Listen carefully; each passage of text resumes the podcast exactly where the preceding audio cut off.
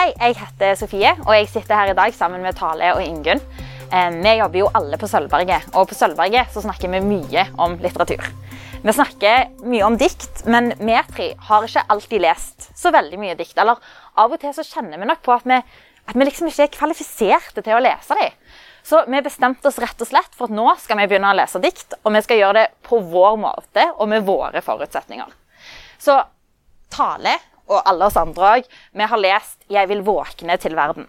Men jeg tenkte jeg skulle begynne med å spørre deg, Tale. Hva, eh, hva sitter du igjen med etter du har lest denne diktsamlingen? Ja, shit, det var jo et veldig stort eh, spørsmål. Men jeg tror kanskje det jeg sitter igjen med, eh, er at eh, Ja, en, en overraskelse og en følelse av at eh, av undring eh, over at det går an å skrive så lett og lekent om et så tungt tema som sorg. Eh, for denne diktsamlingen handler jo om eh, det å miste en mor til selvmord. Og det er jo eh, ikke akkurat et lett tema. Eh, men jeg syns at Brennjord klarer veldig godt å, å skrive om det på, på en måte som allikevel er, er håpefull. Ja. For i samlingen så følger vi en hovedkarakter eh, fra fødsel egentlig ut i livet. Og det sånn, Brennjord har et veldig sånn fint eh, og lekent språk hvor eh, hovedkarakteren liksom fødes og ruller ut i verden og ut i naturen. Eh, og hun er lys, eh, og det er veldig mye sånn fine naturtemaer i denne samlingen. Vi hviler kinnet mot mose, så det er liksom mykt. Og, eh, og så beskriver hun strå og vind og vann som skaper sånn bølgende bevegelser. Eh, så så det, er, det føles på en måte som en veldig myk samling. Som, som jeg òg tror gjør eh, at sorgen da ikke føles så tung. Men samtidig så er det noen dikt som selvfølgelig bryter med dette. Eh, for eksempel så har hun et hvor hun, hvor hun beskriver at eh, vann er, er mykt når du dypper føttene i det, men hardt når du hopper fra en bro. Ja. Eh, så det, det, den nærheten til naturen skaper veldig sånn sterke bilder. da. Nå snakket du litt om, om disse naturbildene. og meg, Du nevnte jo for meg litt tidligere at du syns denne boka er veldig, veldig fin. Og så er det en del bøker vi har lest som vi snakker om at det er lett tilgjengelige. Og så syns du kanskje ikke at denne var like lett tilgjengelig som en del av de andre vi har lest den siste tida. Og jeg tenkte litt på da, for du, du sa um, at den, var, den krevde mer. Uh, og da lurte jeg litt på, for jeg vi har jo snakket om at vi ikke alltid helt føler oss kvalifisert for å lese dikt. Og jeg er jo sånn at jeg syns jeg leser dikt altfor fort. Jeg er dårlig til å stoppe opp og skikkelig dvele ved passasjene. Så ble jeg litt sånn nysgjerrig når du sier at denne krevde mer av lesingen. Så lurer jeg på hvordan leste du denne diktboka? Vanligvis når jeg leser dikt, hvis jeg leser det kun for min egen del, så leser jeg det jo akkurat som jeg ville lest en roman. Um, jeg leser det kanskje ikke alltid en go, men uh, det er ikke sånn at jeg leser et dikt og tar notater og reflekterer, og så går jeg videre. Men jeg, det er veldig forskjell på hvordan diktet er satt opp òg, så eh, samlingene vil jo legge opp til en viss type lesing, tenker jeg.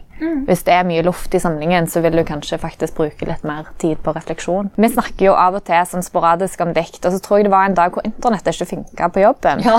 hvor vi fikk det for oss at nå, nå må vi snakke litt om dikt, og da gikk vi på leit i hyllene. Ehm, så jeg mener det var en av dere som anbefalte meg den. Og så ble det jo litt selvfølgelig, jeg, eh, Når jeg satte meg ned og leste den og, og googla, så, så ble jeg jo klar over at den var nominert til Tarjei Vesaas debutantpris, og så vant den jo òg, da. Og Det som er greit med dikt og i forhold til romaner, er at det går jo litt raskere å, å komme igjennom. Så det, jeg, nå, etter hvert så har jeg fått lest en del diktsamlinger. Det er veldig, veldig kjekt, egentlig. Føler jeg har liksom oppdaga det litt det siste.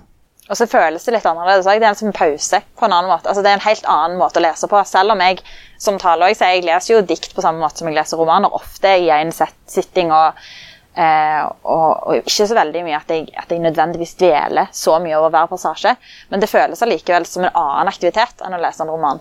Og det er ganske annerledes. Helt enig. Og jeg merker ganske fort om dette er noe interessant eller ikke. Så det bare det, Jeg er mye raskere til å avskrive det som uinteressant enn en roman. Da må jeg jo gi den et par kapittel, tenker jeg, før jeg liksom eh, Før jeg eventuelt tenker nei, dette var ikke noe for meg.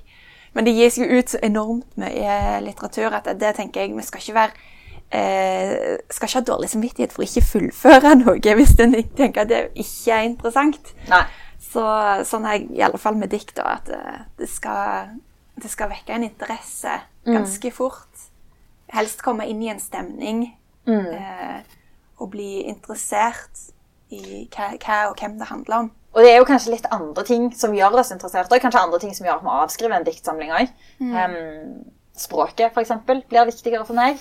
Eh, Jeg leser en roman nå der jeg, der jeg hang meg litt opp i språket, men historien er likevel så fengslende at jeg, jeg må lese den ferdig. Ja. Men, men med dikt så tror jeg nok at jeg, at jeg lettere hadde avskrevet en diktsamling pga. språket. Hva, hva var det egentlig som, som gjorde deg interessert, eller hva, hva var det ved den diktsamlingen som gjorde at du ville lese videre? Um, ja, fordi jeg, som, som du var litt inne på tidligere, så syns jeg jo at den er mer krevende enn mye av det andre jeg har lest. Ehm, men med diktsamlinger som Ingunn nevnte, så er det jo litt lettere å på en måte finne ut om det er noe for deg bare ved å bla litt i den. fordi at da ramler du gjerne over ehm, passasjer som griper deg. Og det var litt det som skjedde her, da. at det, em, fordi Pga. alle disse naturbildene så, så må man kanskje jobbe litt for å sette seg inn i historien som helhet. Men eh, det er enkeltdikt som virkelig liksom slår deg uten at du trenger å lese hele samlingen. Så det var det som gjorde at jeg eh, ble litt engasjert i den. Um, og det tenker jeg òg er en inngang for mange lesere. da, At du kan, du kan faktisk åpne den boken på midten og så finne ett dikt. Det er kanskje tre setninger som virkelig engasjerer deg. da. Det er akkurat som det er alle mennesker, eller alle kan finne trøst i dette da, hvis de har opplevd noe lignende. Og hun skriver jo faktisk ganske ulike måter som humorer kan ha dødd på. Eller, eh, så du får ikke vite hva som egentlig har skjedd.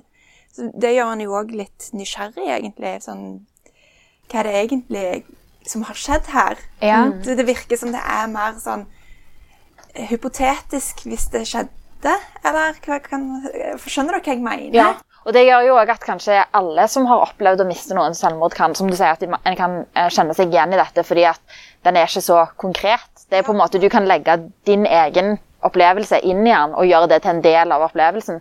Jeg syns det er interessant at du tolker det sånn, Ingunn, for jeg syns egentlig at den virker ganske personlig, selv om den ikke er utleverende kanskje på samme måte som de andre eh, samlingene. Og så virker det òg som at hun, eh, som det handler om, lurer på om, den, om det fins noen elementer av den galskapen igjen i henne. da. Iallfall så sier hun noe om at det plutselig håret som flagrer uten at det er vind. Da ble jeg litt sånn nysgjerrig på Ja, det syns jeg var òg en en viktig del av samlingen. fordi hun er jo tydelig prega av å være datter til en som drepte seg sjøl. Og det er òg et tema som går igjen i samlingen. Hva er det du gjør med et barn når eh, du liksom skal være lyset i foreldrene sin verden, og så var du ikke sterk nok til at de valgte å bli? Og det er jo noe som, som, eh, som handler litt om an, hva andre ser. For føler jeg at, det at andre kanskje opplever hun som De vet hva som har skjedd med mora, så de opplever, de venter. Hun er nesten som en tikkende bombe. Når skal hun bli gal? på en måte? Og det er jo noe som jeg ofte kjenner igjen i litteraturen òg, uten at det trenger å være poesi. Um, jeg leste f.eks. nettopp den Eili Harbo-romanen, og der er det òg en mor som ikke er helt Altså, hun eh, er litt ustabil. Og da snakker medelevene om at, det, at datteren òg må være gal. Grunn, altså det, det er ikke som man tror at hvis, mor, at hvis det er noe med mora, så må det være noe med barnet. Sant? At det, det er en sånn opplevelse. Ja, det er klart det preger deg. altså sitt, om, sitt, eh, eller omverdenen sitt bilde av deg eh, når noe sånt har skjedd i familien. Eh, og det, det syns jeg òg eh, kommer godt, godt fram i samlingen. At det, hun, hovedkarakteren bærer på en, en slags eh, skyld og en slags altså, sånn, en uro, men òg at du alltid må passe på litt. Eh, og ikke gjøre noe som bekrefter de forventningene omverdenen har til henne pga. at moren Og nettopp det med å passe på er jo også interessant, for det er jo en eh, passasje som satt veldig igjen i meg, der hun går på eh, Jeg tror hun står ved graven til mora og sørger, og så tenker jeg at når jeg blir like gammel som mamma var, så skal jeg slutte å se på mamma som mamma. Da skal jeg se på henne som et barn. At da skal, da skal, jeg, da skal hun liksom eh, på en måte være den voksne og, og trøste. Eh, og det er jo kanskje også noe som er ganske typisk i sånne mor- mor-barn-forhold der, der mora er syk, at barnet blir liksom den voksne.